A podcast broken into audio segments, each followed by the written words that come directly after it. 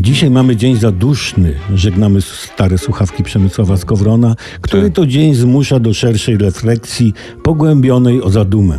Jest okazja, by zadać sobie pytanie ostateczne. Dlaczego żyjemy, jak i tak umrzemy? Odpowiedź, że żyjemy, żeby zjeść parę razy bigos czy fasolkę po bretońsku, może dla wielu być niewystarczająca. Oni dorzucą jeszcze alkohol. Wtedy odpowiedź jest a, pełniejsza, ale niewyczerpująca. Życie i śmierć płatają figle. Weźmy taką znaną sytuację.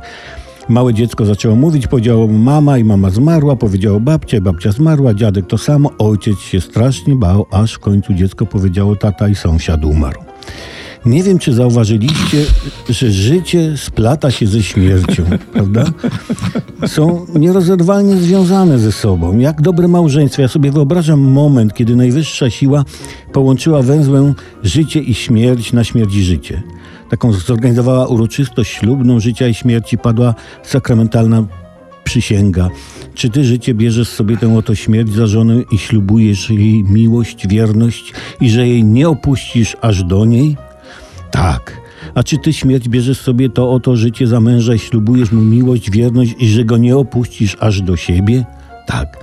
Czy życie mogłoby istnieć bez śmierci i odwrotnie? No, skąd bez śmierci wiedzielibyśmy, że jest życie, tak? A gdyby nie życie, nie byłoby śmierci.